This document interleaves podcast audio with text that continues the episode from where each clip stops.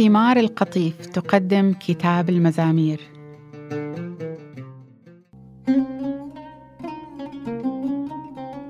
يا رب من يقيم في مسكنك؟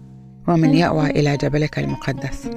السالك بالاستقامة الصانع البر والصادق القلب الذي لا يشوه سمعة الآخرين ولا يسيء إلى صاحبه ولا يلحق بقريبه عارا. يحتقر الأرذال ويكرم خائفي الرب. لا ينقض حلفه ولو كان في ذلك أذى له. لا يستثمر ماله بالربا ولا يقبض رشوة للإيقاع بالبريء. الذي يصنع هذا لا يتزعزع أبدا.